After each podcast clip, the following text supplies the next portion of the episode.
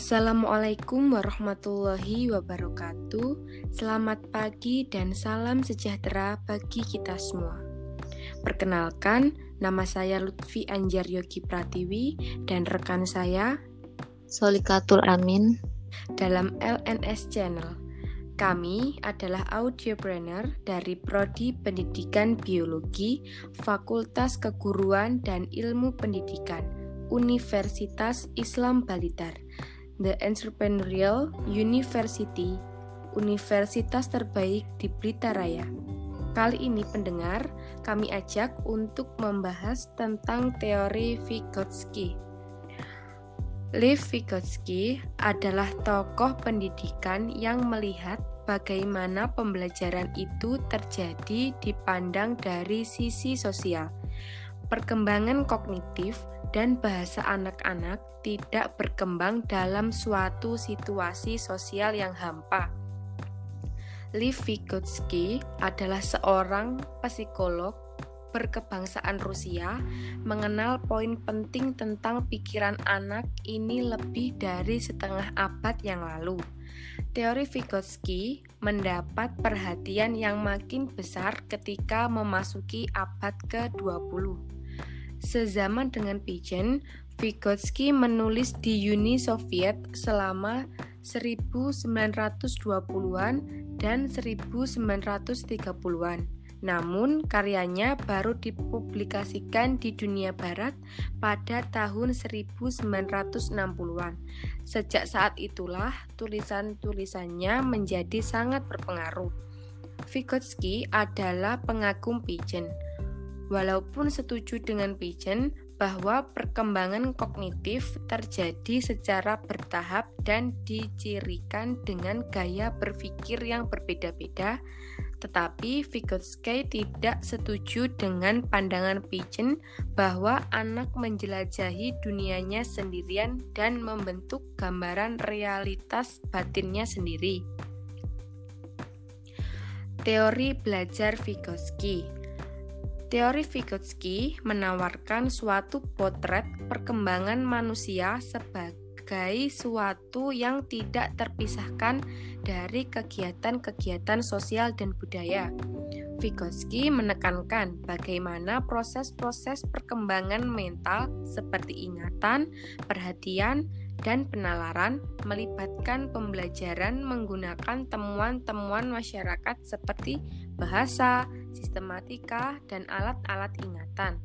Ia juga menekankan bagaimana anak-anak dibantu berkembang dengan bimbingan dari orang-orang yang sudah terampil di bidang-bidang tersebut. Vygotsky lebih banyak menekankan peran orang dewasa dan anak-anak lain dalam memudahkan perkembangan pada si anak. Menurut Vygotsky, anak-anak lahir dengan fungsi mental yang relatif dasar seperti kemampuan untuk memahami dunia luar dan memutuskan perhatian. Namun, anak-anak tak hanya memiliki fungsi mental yang lebih tinggi seperti ingatan, berpikir, dan menyelesaikan masalah. Fungsi-fungsi mental yang lebih tinggi ini dianggap sebagai alat kebudayaan, tempat individu hidup, dan alat-alat itu berasal dari budaya. Alat-alat itu diwariskan pada anak-anak oleh anggota kebudayaan yang lebih tua selama pengalaman pembelajaran yang dipandu. Pengalaman dengan orang lain secara berangsur menjadi semakin mendalam dan membentuk gambaran batin anak tentang dunia. Karena itulah, berpikir setiap anak dengan cara yang sama dengan anggota lain dalam kebudayaannya. Baik, saya akan melanjutkan dari penjelasan Lutfi Anjar. Menurut menurut teori Vygotsky, zone of proximal development merupakan celah antara actual development dan potential development, di mana antara apakah seorang anak dapat melakukan sesuatu tanpa bantuan orang dewasa dan apakah seorang anak dapat melakukan sesuatu dengan arahan orang dewasa atau kerjasama dengan teman sebaya. Maksud dari ZPD adalah menitik beratkan ZPD pada interaksi sosial akan dapat memudahkan perkembangan anak. Ketika siswa mengerjakan pekerjaannya di sekolah sendiri, perkembangan mereka kemungkinan akan berjalan lambat. Untuk memaksimalkan perkembangan siswa, seharusnya bekerja dengan teman yang lebih terampil yang dapat memimpin secara sistematis dalam memecahkan masalah yang lebih kompleks. Teori Vygotsky yang lain adalah scaffolding. Scaffolding merupakan suatu istilah pada proses yang digunakan orang dewasa untuk menuntun anak-anak melalui zone of proximal development-nya.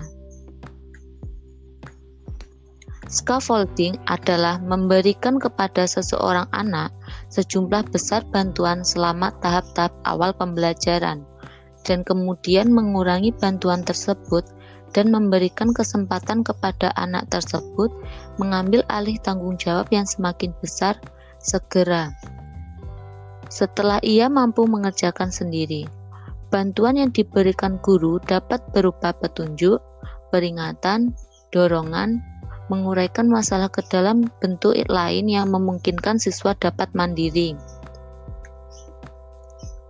Penerapan teori belajar Vygotsky dalam interaksi belajar mengajar. Penerapan teori belajar Vygotsky dalam interaksi belajar mengajar mungkin dapat dijabarkan sebagai berikut. Yang pertama, walaupun anak tetap dilibatkan dalam pembelajaran aktif, guru harus secara aktif mendampingi setiap kegiatan anak-anak. Dalam istilah teoritis, ini berarti anak-anak bekerja dalam zoneo proximal development dan guru menyediakan scaffolding bagi anak selama melalui ZPD. Kedua, secara khusus Vygotsky mengemukakan bahwa di samping guru, teman sebaya juga berpengaruh penting pada perkembangan kognitif anak. Kerja kelompok secara kooperatif tampaknya mempercepat perkembangan anak. Yang ketiga, Gagasan tentang kelompok kerja kreatif ini diperluas menjadi pengajaran pribadi oleh teman sebaya, yaitu orang an seorang anak mengajari anak lainnya yang agak tertinggal dalam pelajaran. Satu anak bisa lebih efektif membimbing anak lainnya melewati ZPD karena mereka sendiri baru saja melewati tahap itu sehingga bisa dengan mudah melihat kesulitan-kesulitan yang dihadapi anak lain dan menyediakan scaffolding yang sesuai. Terima kasih telah mendengarkan penjelasan teori Vygotsky dan terima kasih atas kebersamaan kalian. Salam sehat dan salam entrepreneur Unisba, kreatif, integratif, energetik. Wassalamualaikum warahmatullahi wabarakatuh.